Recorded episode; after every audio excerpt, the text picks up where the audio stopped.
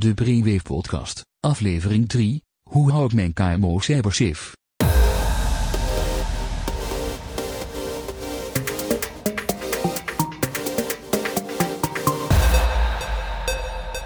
Hallo en welkom bij The Brainwave, de podcast van The Brain Rangers, een digitaal kennis- en adviesbureau dat zich bezighoudt om bedrijven te helpen om morgen nog beter te ondernemen dan vandaag, door technologie voor hun te laten werken in plaats van andersom. Mijn naam is Jo Hendricks en vandaag ga ik jullie van alles vertellen over de kunst van goede cybersecurity voor je KMO. 75% van alle Vlaamse KMO's ondervindt dit jaar nog rechtstreekse of onrechtstreekse schade door cybercriminaliteit. Gericht of ongericht worden ze het slachtoffer van malafide hackers en crackers die proberen hun netwerken te penetreren, hun systemen onklaar te maken en hun gegevens te stelen. Eigenlijk is dat een vrij zot getal. Want als je gaat nadenken, er is een ontzettend kleine kans dat het morgen gaat regenen. Maar toch neem je je paraplu mee voor de zekerheid. Er is een heel erg kleine kans dat je morgen met je auto ergens tegenop rijdt, maar toch ben je verzekerd. Er is een minuscule kans dat morgen het kot afbrandt, maar je hebt toch een brandblusser. En er is een kans van 3 op 4 dat jouw bedrijf het slachtoffer wordt van cybercriminaliteit en toch zijn er een pak bedrijven die daar niks aan doen. Wat je moet doen om jezelf een beetje veilig te stellen en waar je op moet letten als je die diensten gaat inkopen, dat is het onderwerp van vandaag in de Brainframe. Laat ik zeggen, aan de slag dan maar.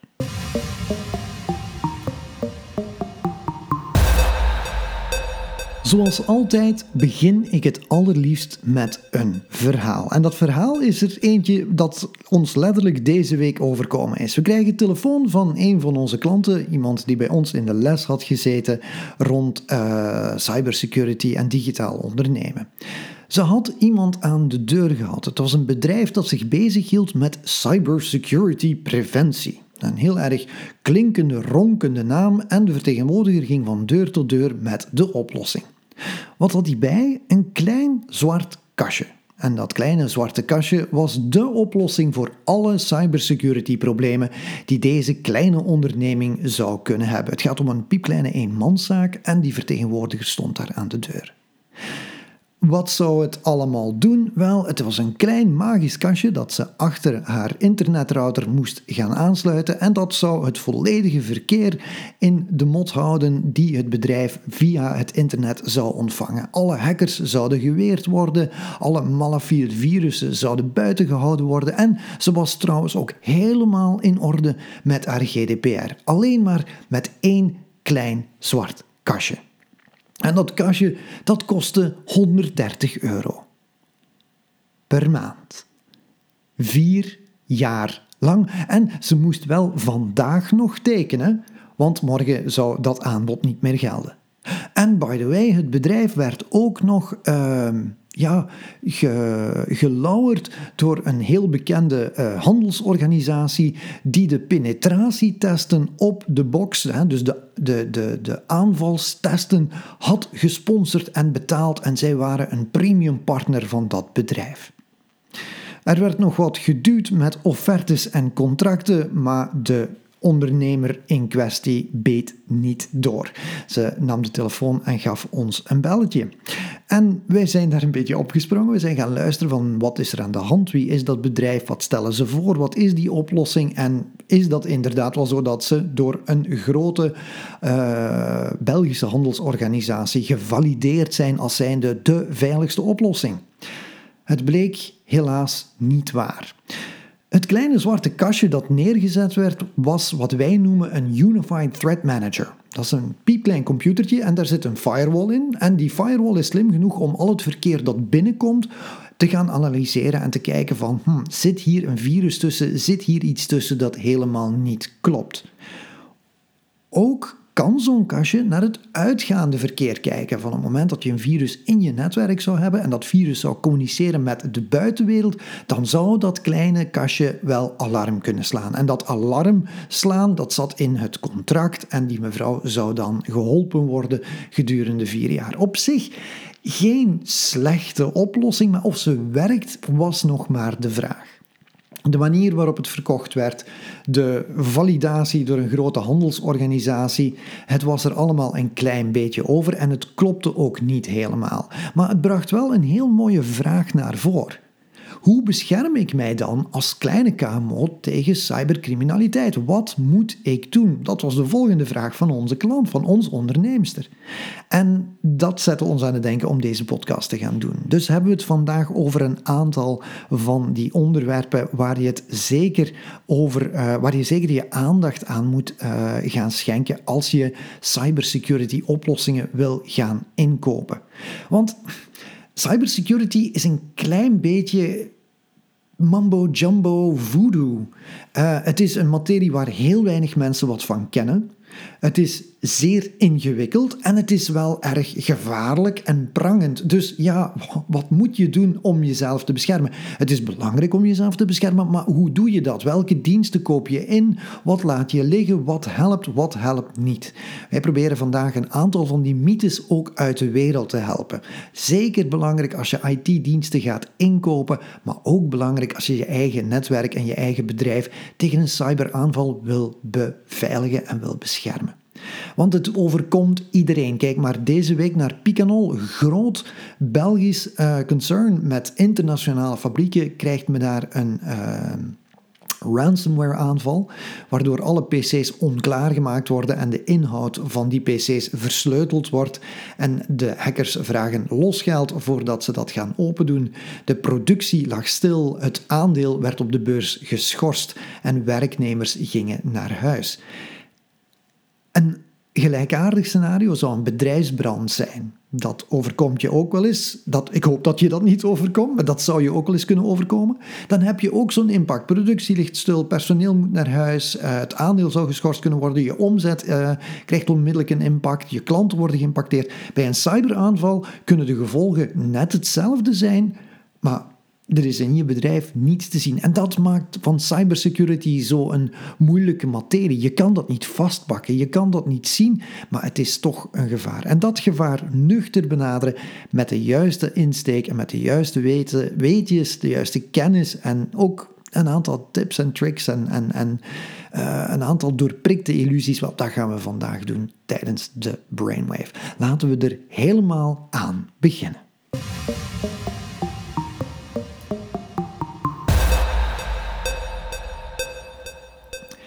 Je bedrijf digitaal gaan beveiligen.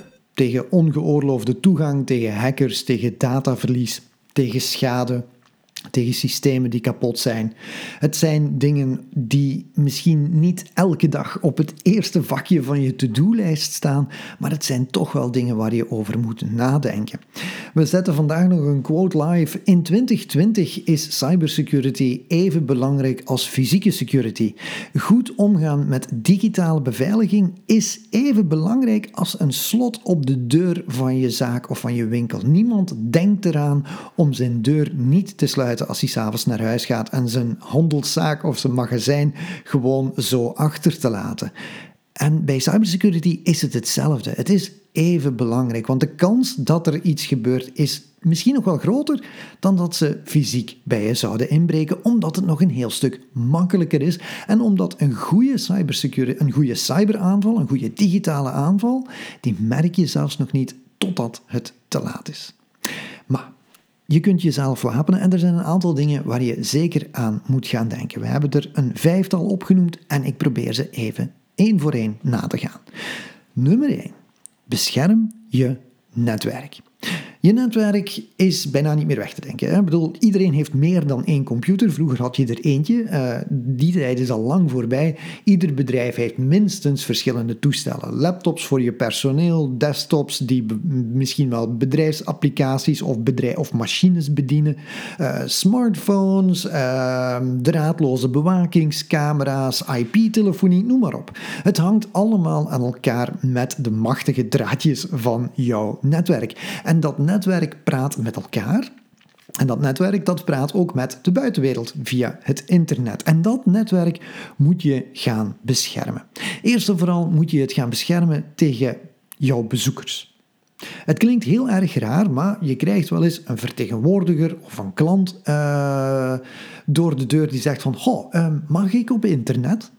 Bij retailers is dit iets wat ik trouwens ongelooflijk belangrijk vind. Zorg dat je zaak een goede internetverbinding heeft die bezoekers kunnen gebruiken. Want als man lief stil is door digitaal op zijn smartphone naar de voetbal te kijken, kan vrouw lief rustig shoppen en kan jij misschien net drie BH's meer verkopen die je daarvoor nog niet had verkocht. Maar dat wil dus zeggen dat die bezoekers op jouw netwerk mogen. En ja, kan dat wel allemaal? Het antwoord is Nee. Bezoekers gaan gebruik maken van jouw bedrijfsnetwerk, van je interne netwerk om toegang te hebben tot het internet. Maar dat wil niet zeggen dat zij vrij over jouw netwerk mogen uitwandelen. Zij mogen geen directe connectie maken met het netwerk waar jouw bedrijfstoestellen ophangen. Wij noemen zo van die dingen het ter beschikking stellen van een zogenaamd guest network. En dat is meestal draadloos. Je hebt je draadloze router, je hebt daar je de naam van je draadloos netwerk, al jouw PC's verbinden daarop en die kunnen dan met elkaar praten en die kunnen op het internet. Een guestnetwerk is hetzelfde, maar het is een soort hmm, afgesloten speeltuin waar mensen rustig kunnen rondhangen, maar ze kunnen niet op jouw netwerk. Dus ze kunnen wel surfen, ze kunnen wel het internet gebruiken, net zoals jij dat doet, maar ze kunnen niet over de schutting springen om in jouw netwerk te zitten. En dat is belangrijk voor twee redenen. Eén, als hun PC of hun smartphone of hun toestel geïnfecteerd is en ze zitten op jouw bedrijfsnetwerk, kan die infectie zich verspreiden. Dat is dus wel gevaarlijk. Stel je voor, er komt een vertegenwoordiger over de uh, door de deur. Die heeft zijn laptop bij, die wil iets presenteren. Ja, mag ik op het netwerk? Ja, u mag op het netwerk. Maar er zit een virus op die man zijn PC. En voordat je het weet, heb jij dat virus ook, want die persoon is gewoon ingeplucht op je netwerk.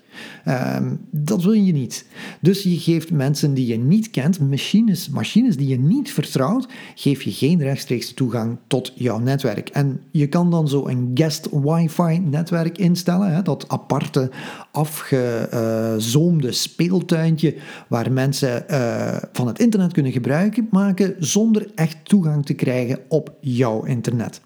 Dat is één reden. De tweede reden is ook van, wel, om, om uh, toegang te krijgen tot jouw draadloos netwerk heb ik jouw paswoord nodig. Ja, als je me dat één keer geeft, en jij verandert dat niet, want dan kan ik de volgende keer gewoon op de parking gaan staan en opnieuw gebruik maken van je netwerk. Je kan bij iedere bezoeker die het paswoord geeft, je paswoord van je draadloos netwerk gaan veranderen, maar dan ben je even bezig, want dan moet je ook op al jouw toestellen dat paswoord gaan veranderen. Dat is niet altijd handig. Dus is zo'n guest-netwerk heel interessant. Praat erover met je IT'er of neem met ons contact op en dan zoeken we uit hoe dat kan. Want die draadloze gastennetwerken zijn naast beveiliging ook nog heel interessant voor reclame. Je kan die koppelen aan een zogenaamde captive portal. En wat is een captive portal? Dat is eigenlijk een webpagina waar zo iemand onmiddellijk tegen oploopt als hij op jouw netwerk komt. Ja, je hebt een bezoeker, die bezoeker wil op het internet. Ah, zeg je, weet je wat, jij mag op ons gastnetwerk. Die persoon sluit zich aan op het gastnetwerk met zijn draadloze antenne. Die tikt in www.google.be en boem, die krijgt opeens een webpagina. En die webpagina, wat daarop staat, bepaal jij. Dus dat kan zijn van, dit zijn de algemene voorwaarden, je moet je gedragen, vink dit af om, uh, om door te gaan. Maar dat kan ook wat wij noemen een Facebook-authenticatie zijn. Bijvoorbeeld dat die persoon met zijn Facebook-account moet inchecken bij jouw bedrijf. Dat is heel erg leuk als je een winkel hebt of een café. Mensen die van je internet willen gebruik maken, kunnen op dat guestnetwerk gaan en authenticeren zich tegen zo'n captive portal. En ze checken in bij jouw bedrijf. Dus op hun Facebook-tijdlijn komt er opeens van bla bla bla, heeft ingecheckt bij, weet ik veel, GP's Brasserie, ik zeg maar wat. Zo krijg jij ook nog eens wat extra reclame. En dat is een hele leuke manier om ervoor te zorgen dat niet Jan en allemaal op je netwerk springt en dat jouw eigen bedrijfsnetwerk altijd beveiligd is. Dus bescherm je netwerk tegen bezoekers met een captive portal. Dan ga je je netwerk en je omgeving beschermen tegen anderen, tegen derde partijen. Partijen die zelfs geen toegang vragen tot jouw internet. En geloof mij, er zijn er genoeg. Ehm, van tijd tot tijd heb ik hier uh, een klein computertje en dat sluit ik dan wel eens aan rechtstreeks op onze router van het internet. En ik uh, zorg ervoor dat dat ding eigenlijk met zijn, zoals wij dat hier heel mooi noemen, met zijn bloot gat richting het internet staat. Totaal onbeschermd, totaal. Uh, niet voorbereid voor enige, om zich te, te, verdedigen tegen enige aanval. Nu, er staat niets op dat machientje, maar we doen dat speciaal uh, om eens te kijken van wie komt er nu allemaal aankloppen. En we houden dat soms bij en dat is leuk om te zien. Dag en nacht proberen mensen aan te loggen op dat machientje door de, de, login te raden en het paswoord te raden. En dat is constant, dag en nacht. Nu, dat zijn meestal geautomatiseerde robotjes, hè, programma's die de hackers schrijven en dat programma krijgt de opdracht, gaat internet af, Zoek overal naar open poortjes, hè, dus dan naar machines met een bloot gat, en kijk eens of je binnen geraakt. En jouw netwerk heeft dat ook aan de hand. Nu, er staan waarschijnlijk geen servers of geen blote roze kontjes naar buiten gericht om dat mee te doen. Excuse my French. Um, maar dat wil niet zeggen dat ze het niet gaan proberen. De kans dat uh, je gehackt gaat worden in een gerichte aanval is klein, de kans dat je meegepakt wordt in een grote aanval, in een soort wat wij noemen ja, carpetbombing, hè? Dus, dus een grootschalige hagelschieterayaanval, we kijken wel wat we raken, is vrij groot. De kans zit er dik in dat er op dit moment iemand probeert aan te loggen tegen je router of je firewall en die probeert op je netwerk binnen te geraken. Dus dat netwerk beschermen tegen derden is minstens even belangrijk. En dat kan met dat begint sowieso met een router. Uh, dat is een soort ja, verdeeldoos waarmee je met meerdere PC's op één internetverbinding kan. Maar liefst doen we dat dan ook met een firewall. En wat een firewall is, dat leg ik je zo even uit.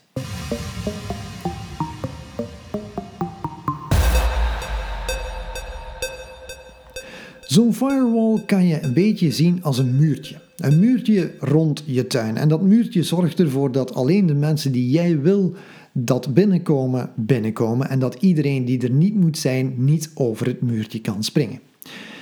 Een firewall is niet zaligmakend. Het is een oplossing, maar meestal komt het gevaar wel van binnenuit. Maar van het moment dat je meer dan twee of drie PC's hebt die gebruik maken van het internet, waarbij jouw bedrijfsnetwerk en die internetverbinding heel erg belangrijk is, dan zou ik toch gaan kijken voor een firewall.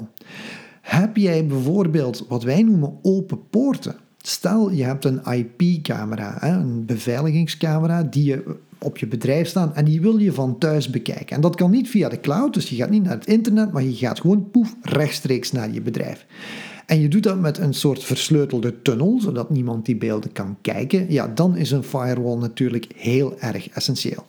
Dus ga je alleen van binnen naar buiten, surf je alleen richting de cloud en van die dingen, dan mag een firewall. Heb je binnenkomende verbindingen, Bijvoorbeeld, je kijkt naar de IP-camera van je bedrijf, de weegbrug van je bedrijf wordt uitgelezen, je hebt een server op je bedrijf staan die je personeel kan benaderen, dan is een firewall een absolute must, want die gaat zeggen van dit mag binnen en dit mag niet binnen. Zo'n firewall, wat dat ding kan en wat dat ding kost, is een beetje afhankelijk van de grootte en de omvang van je bedrijf en ook een klein beetje van geval tot geval. Hoe complexer je netwerk, hoe gewichtiger je firewall mag zijn. Maar voor een klein huistuin- en keukennetwerk moet dat ding geen arm en geen been kosten. Het belangrijke bij een firewall is wel dat je moet kijken of je er een onderhoudscontract bij hebt. Want zo'n firewall krijgt updates, software updates, die de firewall vertellen van hm, muurtje moet nu een beetje hoger, daar mag het een beetje lager, opletten voor dit, dit moet je zo regelen. Dat moet wel een beetje bijgehouden worden, want software in security oplossingen, nou, dat mag een antivirus zijn, dat mag je operating system zijn, dat mag je firewall zijn, die moet natuurlijk wel een beetje up-to-date zijn. En waarom dat is, dat vertel ik je zo. Oké, dat netwerk is beveiligd. Voor tip nummer 2. Bescherm je PC's. Je werkt waarschijnlijk op je laptop voor je bedrijf of je werkt op je desktop voor je bedrijf. die PC's moeten wel een beetje veilig zijn, want dat zijn de dingen waar je iedere dag mee omgaat. En geloof mij, die dingen maken wat mee. Dus zorg er eerst al voor dat die PC dat die up-to-date is. Software zit vol met lekken. Heel simpel. Ehm, en die lekken zijn gekend. Via een lek in de software kan iemand ongeoorloofde toegang krijgen tot je systeem en je software dingen laten doen die jij niet wil. Daarvoor wordt zo'n lek ook gedicht en we noemen dat gepatcht. Van het moment dat een lek gepatcht is, kan een hacker geen gebruik meer maken van dat lek om controle te krijgen over je PC. Alles goed. Het ontvangen van patchen op software gebeurt alleen als die software nog gesupporteerd is. Alleen als de programmeurs die die software hebben gemaakt de gaten die gevonden worden gaan dichten. En iedere dag komen er wel nieuwe gaten, komen er wel nieuwe lekken uit en komen er ook nieuwe patches uit. En je ziet het heel, je ziet het heel sterk bij bijvoorbeeld Windows. Windows komt je altijd wel vertellen van hey, ik heb updates en in die updates zit patch voor dit en patch voor dat en patch voor dat en patch voor dat. Moet ik dat gaan installeren? Voor de kleine tot middengrote KMO en eigenlijk ook voor de grote zou ik zeggen van ja, zeker en vast. Want die lekken die zijn gekend bij de softwaremakers die die lekken gaan dichten, maar ook bij de hackers die van die lekken gebruik gaan maken. En des te langer een lek gekend is, des te meer mensen weten hoe ze dat lek kunnen misbruiken. En dan komt het leuke, wat gebeurt er één als jij je PC's niet patcht, als je je updates niet doet, als jij niet zorgt dat je software up-to-date is, dan blijven die lekken openstaan en heb je de kans dat ze daarvan misbruik gaan maken. Patch jij dat wel, dan is je software up-to-date. Maar wat als je software niet meer, niet meer ondersteund is? Stel je voor, je hebt nog, hou je vast, Windows XP of sinds januari Windows 7. Microsoft heeft gezegd dat ze vanaf medio januari van dit jaar ophouden met het ondersteunen van Windows 7. Ah, doe maar een upgrade naar Windows 10. Er zijn nog lekken in Windows 7 en er zullen er iedere dag nog wel een paar nieuwe gevonden worden door slimme jongens die niets liever doen dan daarachter gaan zoeken. Maar wij gaan daar geen patches meer voor schrijven, die lekken worden niet meer gedicht. En dan is de kans dat je iets oploopt vrij groot. Ik heb het over laatst nog eens geprobeerd met een Windows XP-machine, dus een hele oude PC. Ehm, die heb ik toen eh, op het internet geslingerd. Ehm, en zonder virusscanner of wat dan ook. Hè. Ik, ik, ik, experimenteer wel eens graag. Doe dat wel een beetje gecontroleerd natuurlijk.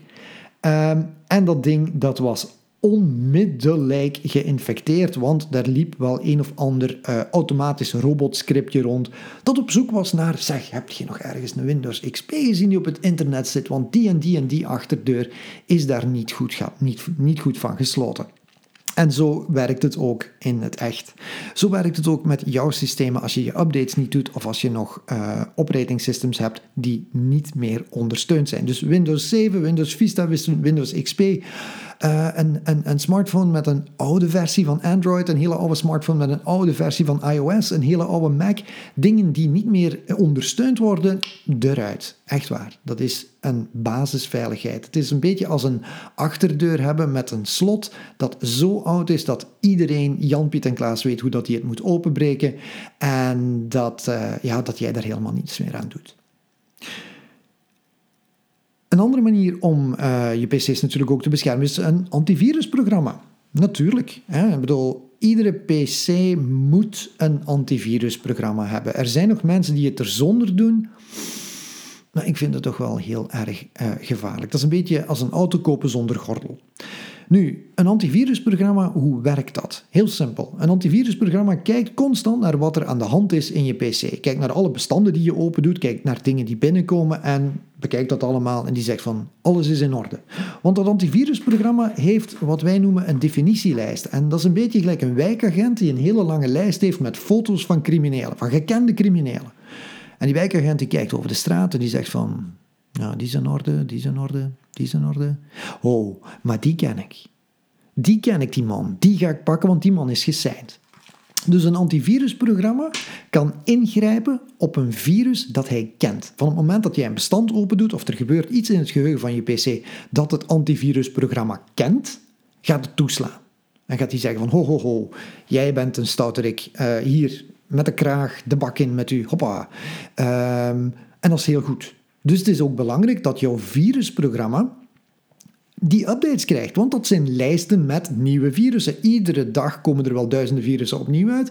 En alle virusprogramma's krijgen dan ook updates. Dit zijn de nieuwe lijsten met de geseinde criminelen. Grijp in als je iemand uh, ziet die dit doet.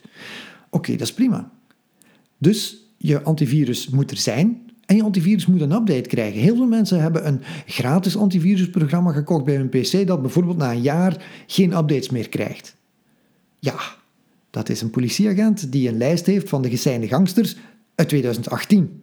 Maar de criminelen die tussen 2018 en 2020 feiten hebben gepleegd, kent hij niet en gaat hij vrolijk naar zwaaien en dan gaat die mensen gewoon doorlaten. Dus je moet zorgen dat die virusscanners ook up-to-date zijn. Let wel op, het blijft het geval dat een virusscanner alleen kan ingrijpen op bestanden die hij herkent. En dat wil dus ook zeggen dat die virussen al eens een keer geïdentificeerd moeten zijn door een uh, bepaald kantoor. De Kaspersky's en de McAfee's van deze wereld, die doen, niet ander, die doen iets anders. Maar het kan zijn dat er iets op jouw PC geraakt dat de virusscanner nog niet kent, maar dat toch een virus is. Een virusscanner loopt altijd achter op de feiten. Hij loopt niet veel achter op de feiten, maar hij loopt altijd achter op de feiten. Het kan altijd zijn dat je ondanks een virusscanner toch nog een virus oploopt, want het is een geseinde crimineel of een nog niet geseinde crimineel die op jouw PC toeslaat. Een virusje dat nog niet in die lijst zit van die wijkagent, eh, omdat hij nog nooit opgepakt is. En dan heb je toch prijs. Dus een virusscanner is een prachtige maatregel in 95% van de gevallen. En toch kan er wel eens iets tussen de mazen van het net glippen. En dan is het belangrijk dat je rechten wegneemt. Als jij een nieuw stukje software koopt voor je PC en je wilt dat installeren, dan dubbelklik je erop en dat installeert zichzelf. Goed, geen probleem, dat staat erop. Heel erg leuk. Bijna iedereen, iedereen die een PC koopt, uh, die kan op zijn PC dingen installeren. Dat is handig. Je personeel kan dat waarschijnlijk ook.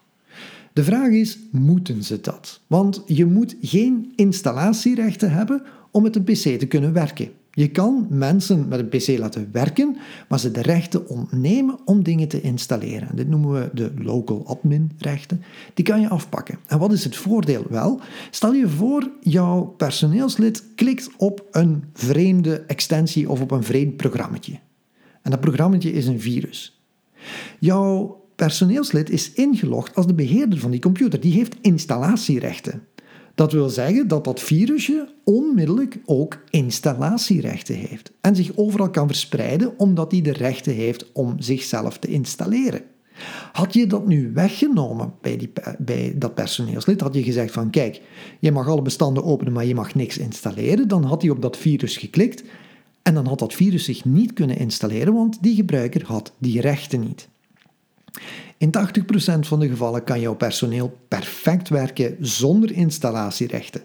Dat is een beetje moeilijk als je dan toch een stukje software wil installeren. Dan moet je uitloggen en met een andere account terug inloggen. Maar dat is een beetje hinderlijk, komt niet vaak voor en dan kan je een hele, hele, hele hoop miserie besparen. Dus het wegnemen van local adminrechten is zeker iets waar je eens over moet gaan nadenken. En net als, uh, ja, net als wat ik net zei, praat erover met jouw IT'er. Uh, het, het, lijkt altijd wel zo'n een, een, een, een of ander gezondheidsprogramma dat we hier doen. Praat erover met je IT'er. Dan is het niet alleen een kwestie van je netwerk en je toestellen te beschermen, maar ook je data. Je gegevens die moeten ook veilig zijn. En de vraag is, waar staan die gegevens? Maar die gegevens die staan op de server. Oh ja, dat is prima. Die staan op de server. En waar staat de server? Ah, de server staat in uh, Noella, haar uh, poetskot. meestal staan de zwabbers van de kuisvrouw wel langs, het server, langs de server uh, in, een, in een kleine KMO. Wie kan er allemaal aan? Ik kan proberen een heel ingewikkelde cyberaanval te doen op je bedrijf om je gegevens vast te krijgen, of ik kan gewoon zorgen dat ik je bedrijf binnenwandel onder valse voorwenselen en dat kleine kastje wat daar staat onder de arm steek en ik pak het mee. Je gegevens fysiek beschermen is minstens even belangrijk. Dus als je nog een server hebt of je hebt nog een plaats waar je data lokaal staat, slot op de deur. Daar mogen eigenlijk alleen mensen aan die daar moeten aan zijn. Bescherm. Zorg ook dat de fysieke toegang tot uh, je netwerk en tot je server dat die afgesloten is. Hetzelfde is waar voor je laptops. Je personeel neemt, neemt s'avonds waarschijnlijk de bedrijfslaptop mee naar huis. Op die bedrijfslaptop staan ook een hele hoop gegevens. Oh, geen probleem, zeg je, we hebben een paswoord. Inderdaad, je hebt een paswoord nodig voor in te loggen.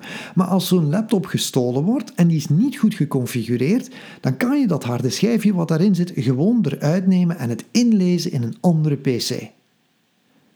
En dat kan best wel vervelend zijn, omdat ondanks dat er een wachtwoord zit op de PC, andere partijen toch toegang kunnen krijgen tot de data. En een laptop is heel snel gestolen.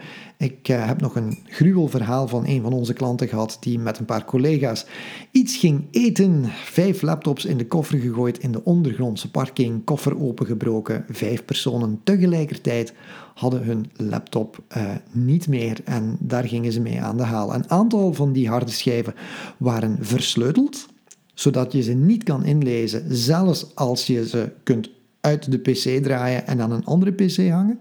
Maar een aantal waren dat ook niet. En als je ooit bij ons uh, een uh, sessie komt volgen rond cybercriminaliteit, dan gaan wij je ook tonen wat er gebeurt als iemand de harde schijf uit je PC kan draaien en wat hij daar allemaal mee kan doen. Griezelverhaal. Dus bescherm de toegang tot je data. Let ook op met USB-sticks. USB-sticks is de makkelijkste manier om data te verliezen. Uh, je kan daar van alles op zetten, een halve bibliotheek. En dat ding is zo piepklein dat het wel eens uit je zak valt. Net zoals bij iemand van de Nederlandse luchtmacht die per ongeluk de onderhoudsschema's van de Nederlandse F-16's liet uh, vallen op de zetel in de tweede klasse in de trein. Dat waren letterlijk staatsgeheimen die voor het grijpen lagen. En dat kwam omdat ze op een USB-stick zaten. En dan is het nog een kwestie van je locatie te beschermen. We hebben het al gehad over een slot op de deur naar uh, het serverhok, maar ook je eigen bedrijfslocatie mag beschermd worden. Als je zegt van ja, we hebben een kantoor met heel veel glas wij gebruiken laptops, wij gebruiken smartphones. Moeten die dingen echt wel in het zicht liggen? Maak het inbrekers ook niet makkelijker. Een gewone inbreker kan ook aan de haal gaan met al je data. Hij is misschien eerder uit op je laptop, maar probeer ook de fysieke toegang naar je bedrijf een beetje te beschermen. Zorg dat, uh, dat je locatie echt wel ja, cybersafe is. Niet alleen van de digitale kant, maar ook van de fysieke kant.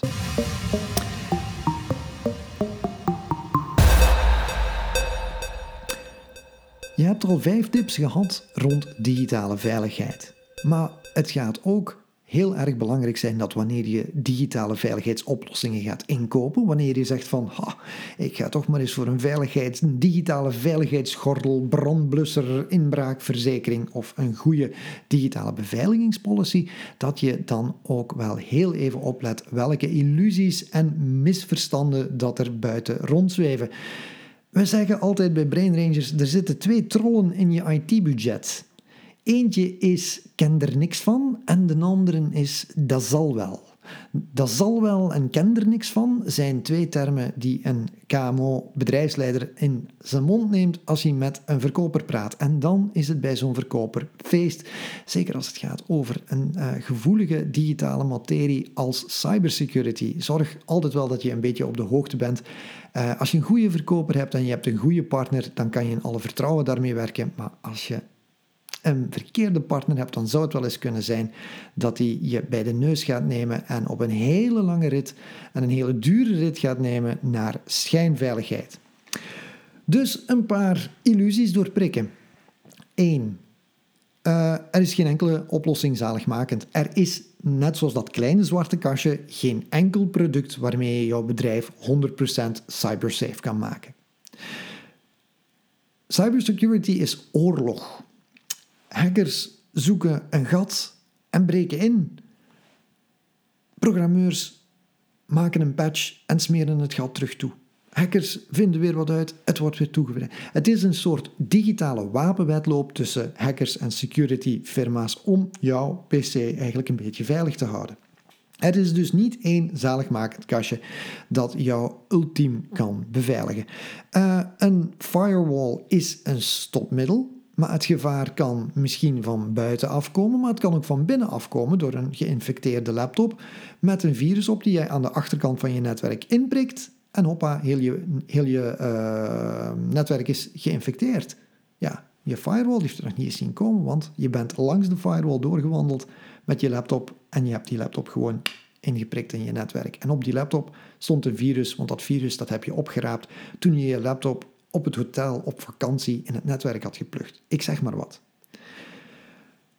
Antivirusprogramma is dus ook niet zaligmakend. Het is een wijkagent met een beschrijving van criminelen van de laatste update. Dit is de laatste lijst met criminelen die we hebben. Er zijn er misschien nog nieuwe bijgekomen, maar die lijsten zijn nog niet verdeeld of die criminelen zijn nog niet gekend. Een antivirusprogramma loopt achter. En daarom moet je ook gaan kijken naar het bouwen van je uh, digitale omgeving als secure by design, waarbij je echt gaat kijken van, goh, um, hoe bedenk ik het nu dat ik het eigenlijk zo veilig mogelijk opbouw? En dat, dat gaat over hoe uh, richt ik mijn draadloos netwerk in? Geef ik gasten toegang? Geef ik die geen toegang? Tot en met van staat mijn server letterlijk langs de deur of staat die achter slot en grendel? Um, heeft iedereen overal toegang toe of mogen de mensen digitaal alleen maar aan de bestanden waar ze moeten zijn? Moet iedereen alles kunnen op zijn PC of moeten ze alleen maar kunnen werken met applicaties en zorg ik dat iemand anders in, uh, de boel installeert? Dat zijn vragen die je jezelf moet stellen. Wat werkt er voor jou? Wat is er nog gemakkelijker en wat is er nog gemakkelijk en werkbaar? Versus wat is er veilig? En dat is altijd wel een afwegen. Security versus gemak. Um, als we bij klanten dat doen, dan gaan we altijd heel erg kijken van waar zit het grootste risico? Hoe kunnen we dat risico zoveel mogelijk wegnemen zonder dat we het bedrijf onwerkbaar maken? Want je moet nog altijd vooruit kunnen en technologie moet nog altijd voor jou kunnen blijven werken. De tweede is uh, eentje die die verkoper vertelde. En is van, ja, wel, um, met dit kastje bent u helemaal in orde met de GDPR. Ik heb geen idee hoe ze daar aankwamen. De GDPR heeft eigenlijk met cybersecurity weinig te maken totdat je een datalek hebt, totdat er ingebroken wordt. De GDPR heeft met cybersecurity maken, te maken in het stuk van dat als je een datalek hebt, dat je tenminste moet kunnen aantonen dat je alle mogelijke maatregelen hebt genomen om dat lek te voorkomen. Je hebt een antivirus, je hebt een firewall, je hebt je harde schijven geëncrypteerd, er staan overal paswoorden op, de gegevens liggen letterlijk niet op de hoek van de straat. Ik heb al het mogelijke gedaan, meneer de inspecteur, maar ze zijn toch ingebroken. Maar een kastje lost dat niet op, want de GDPR is ook nog meer dan dat. De GDPR is een stukje uh, het dataregister dat je moet opstellen, is de verwerkingsovereenkomsten met de partijen waar je mee samenwerkt, is het effectief bekijken van processen van welke data verzamel ik en waarom doe ik dat. Een klein zwart kastje gaat dat voor jou niet doen. De GDPR is een stuk administratie. De volgende is een IT-contract op vier jaar.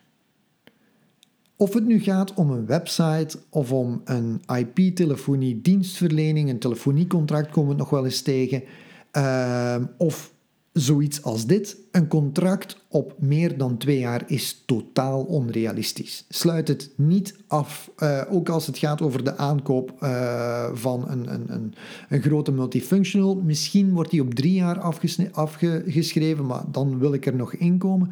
Maar langer dan twee jaar iets gaan inkopen, je ergens gaan aan, aan committen, is zinloos. Het landschap verandert zo snel dat je na twee jaar nog altijd aan het betalen bent op een oplossing die, die misschien wel achterhaald is. Uh, er is geen enkele IT-manager die nog durft antwoorden op de vraag waar staan we over vijf jaar. Dus zie ik ook absoluut het nut niet in om een zwart kastje vier jaar lang te gaan kopen. Want hoe, hoe weten wij nu hoe het internet en onze digitale omgeving er binnen vier jaar gaat uitzien en of dat kastje dan überhaupt nog relevant is? Even kijken. En natuurlijk, uh, wat heel erg belangrijk is, is dat security, dat is niet alleen software kopen, dat is niet alleen hardware kopen, maar dat is ook dienstverlening. Als je een antivirusprogramma koopt, dat is leuk, maar dat antivirusprogramma moet ook ergens een seintje geven als er iets aan de hand is. Dat antivirusprogramma moet jou op de hoogte brengen van hey, personeelslid AB heeft hier net, personeelslid A heeft net virus B binnengekregen. Als je een firewall hebt en er is iemand die letterlijk van buitenaan probeert in te breken, dan gaat die firewall op een bepaald moment ook moeten zeggen van hey, ik zie hier iets, moet ik hier iets mee doen? En je hebt een partner nodig die je dan ook kan adviseren en die je dan ook kan helpen om dat gevaar weg te nemen. Security is dus niet alleen hardware en software, het is ook een stukje dienstverlening. Het up-to-date houden van uh, je Windows-machines bijvoorbeeld, de virusscanner in het oog houden, de firewall zorgen dat die up-to-date is kijken of daar wel eens aan gerammeld wordt, kijken of er niet in, of mensen niet proberen in te breken, dat is ook belangrijk. Zo kan je tenminste een beeld krijgen van wat het risico is dat je loopt en kan je eventueel preventief nog actie nemen. We hadden het al over onze gehaaide verkoper. En gehaaide verkopers die zijn er genoeg. En uh, dat zal wel, hè, dat zal wel. En ken er niks van. Dat zijn hun twee favoriete uitspraken. Als ze die horen, dan gaan ze werken met angst. Dan gaan ze werken met technische termen. En dan gaan ze je onder druk zetten. En dat is een hele leuke. Ze gebruiken angst, madame, je gaat gehackt worden. Ze gebruiken technische termen. We hebben een Unified Threat Solution en die kan dat en dat en dat. Dus denk jij als, als KMO, wauw, ja, het zal wel. En ja, als je het nu niet koopt, kan zijn dat je morgen gehackt bent of morgen is het duurder. Angst zaaien, mensen overdonderen met technische termen en druk zetten is exact wat social engineers doen. En social engineers zijn hackers die gericht zijn op het hacken van mensen. Je kent het verhaal wel. Misschien heb je een tante of een onkel of een oma of een ma of een pa die het gedaan hebben. Die krijgen telefoon. Hallo, this is Microsoft. Oh ja, ja, something wrong with computer. Oh ja, klik hier, go there. Mensen doen het en hun pc is opeens geïnfecteerd. En dat is een prachtvoorbeeld van social engineering. Een digitale aanval door gebruik te maken van zwakheden van mensen. En daar komen we op terug, want je kan een dure firewall kopen. Je kan een uh, antivirusprogramma kopen dat volledig up-to-date is.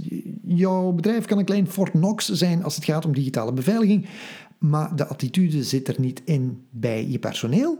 Dan is de kans dat één telefoontje van Microsoft heel je digitale beveiliging kan omduwen. En geloof me, mensen zijn er verschrikkelijk ontvankelijk voor.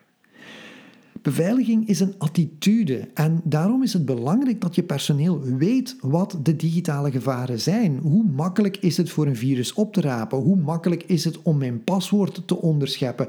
Welke technieken gebruiken hackers om mij uh, gegevens te ontfrutselen of om mijn pc te infecteren? Soms is het klikken op een link genoeg. Je hebt een beveiligingsstrategie van ik kan niet meer, maar jouw personeel heeft de, heeft de houding van oh, we klikken gewoon op alles die awareness, die, ja, dat, dat, dat, dat, um, ja, dat, dat savoir-vivre in jouw personeel, dat moet er zijn. Ze moeten een beetje op de hoogte zijn van, hmm, ik ben, ik weet ongeveer hoe ze het doen, ik weet hoe ze mij zouden kunnen vangen en ik krijg op een bepaald moment argwaan. En dat argwaan is heel erg belangrijk en dat is iets wat je met je personeel moet trainen. En daarvoor moeten ze weten waar de risico's liggen en dat ze op tijd en wijl zeggen van hm, dit vertrouw ik niet. Wij geven workshops uh, en we geven trainingen waarbij we dit soort situaties gaan uh, uitleggen en zelfs gaan testen. En jullie willen niet weten hoe we mensen soms om de tuin kunnen leiden, met toestemming van de bedrijfsleiding natuurlijk, om hun te laten zien hoe makkelijk het is om gefopt te worden. Want Software, digitale security is 20% hardware en software, maar is 80%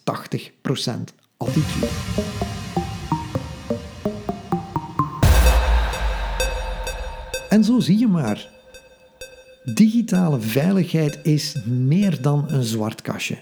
Het is 20% hardware en software en 80% houding. Want vooral hoe je naar de wereld kijkt en hoe je die digitale wereld gaat benaderen is belangrijk. Als jij denkt van dat je overal op mag klikken en dat je alles moet geloven wat overal op het internet staat en dat de persoon die jou belt echt van Microsoft is en dat die wil dat je naar een Indische website gaat en dat je op een of andere link klikt en een toeltje installeert en dat dat allemaal waar is, dan ben je goed te sigaar awareness is enorm belangrijk.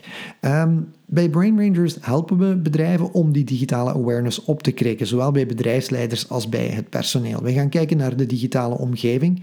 Uh, hoe ziet die eruit? Welke PC's heb je? Hoe hangt je netwerk aan elkaar? Zijn er grote beveiligingslekken? Waar staat je data? Hoe is die beveiligd? En staat er een slot op de deur van het poetskot van Irma waar de server ook nog staat? En we trainen ook het personeel om ze slimmer te maken en om ze meer aware te maken, om ze echt zelfzeker en voorzichtig te maken wanneer het gaat over digitale veiligheid. Die, uh, als, we, als we klaar zijn, dan geloven ze niet uh, meer in, Sint, in de digitale Sinterklaas, maar zijn het echt wel um, voorzichtige, gehaaide mensen die weten wanneer dat er ergens iets niet in de haak is. En dat is wat je wil, want het is dat soort awareness, dat soort bewustwording van digitale gevaren. Dat is iets dat je met software en met hardware niet kunt afdekken. Dat is iets wat je bij jezelf en bij je personeel moet trainen. Heb je daar vragen rond? Neem contact op met ons. Uh, dan komen we een tasje koffie drinken als jij een uh, koekje hebt. En dan kijken we wat we daarin voor jou kunnen doen. Cybersecurity, het is echt wel een thema deze week. Uh, deze week, een aantal weken geleden, spraken wij voor de Nationale Pluimveeorganisatie, uh, de Nationale Pluimveebond. Uh, een aantal zeer grote boeren, kippenboeren met gigantische geautomatiseerde bedrijven die heel geconnecteerd zijn en die echt wel oren hadden naar de gevaren die er online op de loer liggen. Want als je zo'n infectie hebt en je hebt een hele grote boerderij en je ventilatie valt uit en je hebt 200.000 kippen onder je dak steken, dan is dat heel, heel, heel ernstig. Um, we kregen een journalist over de vloer, die schreef een artikel voor Pluimvee, dat is het vakblad van de Nationale Pluimveebond. En wij gaan dat ook op onze website zetten, zodat jij binnenkort uh, dat artikel ook kunt lezen. Een paar pagina's, je kan de pdf downloaden. Dank u aan de mensen van uh, Pluimvee om ons dat ter beschikking te stellen. Wil je nog wat meer weten, kan je jezelf ook inschrijven voor de infosessie. We geven een infosessie op 6 februari in de Brain Rangers hoofdkwartieren hier in Tongeren uh, over digitaal ondernemen in 2020. Welke digitale tools liggen er voor het grijpen en welke digitale gevaren lonken er om de hoek? Kortom, hoe moet jij als ondernemer digitaal ondernemen in deze moderne tijden? Er zijn nog een heel aantal andere workshops, die mag je ook gaan bekijken op uh, brainrangers.be. Ik neem hem er eventjes bij. En dat zijn alle uh, workshops die we in het voorjaar van dit jaar nog gaan geven. Zit van alles tussen. Uh, meer business uh, met LinkedIn. Maak je eigen podcast. Stream je eigen webinar. Net zoals we dat nu doen. Um, leer je smartphone gebruiken om je bedrijf beter in beeld te brengen. gebruik Instagram ten voeten uit. En nog wel een paar dingen meer. Zit er iets tussen dat je interessant lijkt? Kan je je inschrijven. Zit er iets niet tussen dat je wil leren, ja, dan neem je gewoon contact op met ons en wij doen de rest. Dan krijg je van ons gewoon een één op één training. Dat was het voor deze aflevering van de Brainwave. Uh, we hopen dat je het leuk vond. Voor de mensen die in de live chatroom zaten, dankjewel dat jullie erbij waren.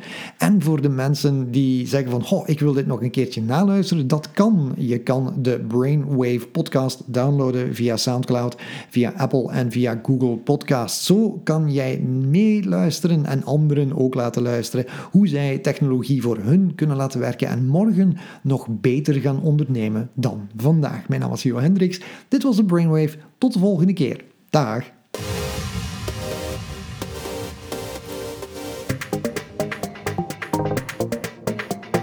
Ziezo, dat was alweer een aflevering van de Brainwave podcast. Ik hoop dat je niet te hard geschrokken bent als je leert hoe makkelijk het is om gehackt te worden. Ik ga alvast even mijn digitale achterdeur op slot doen en zie jou weer terug bij de volgende aflevering. Tot dan.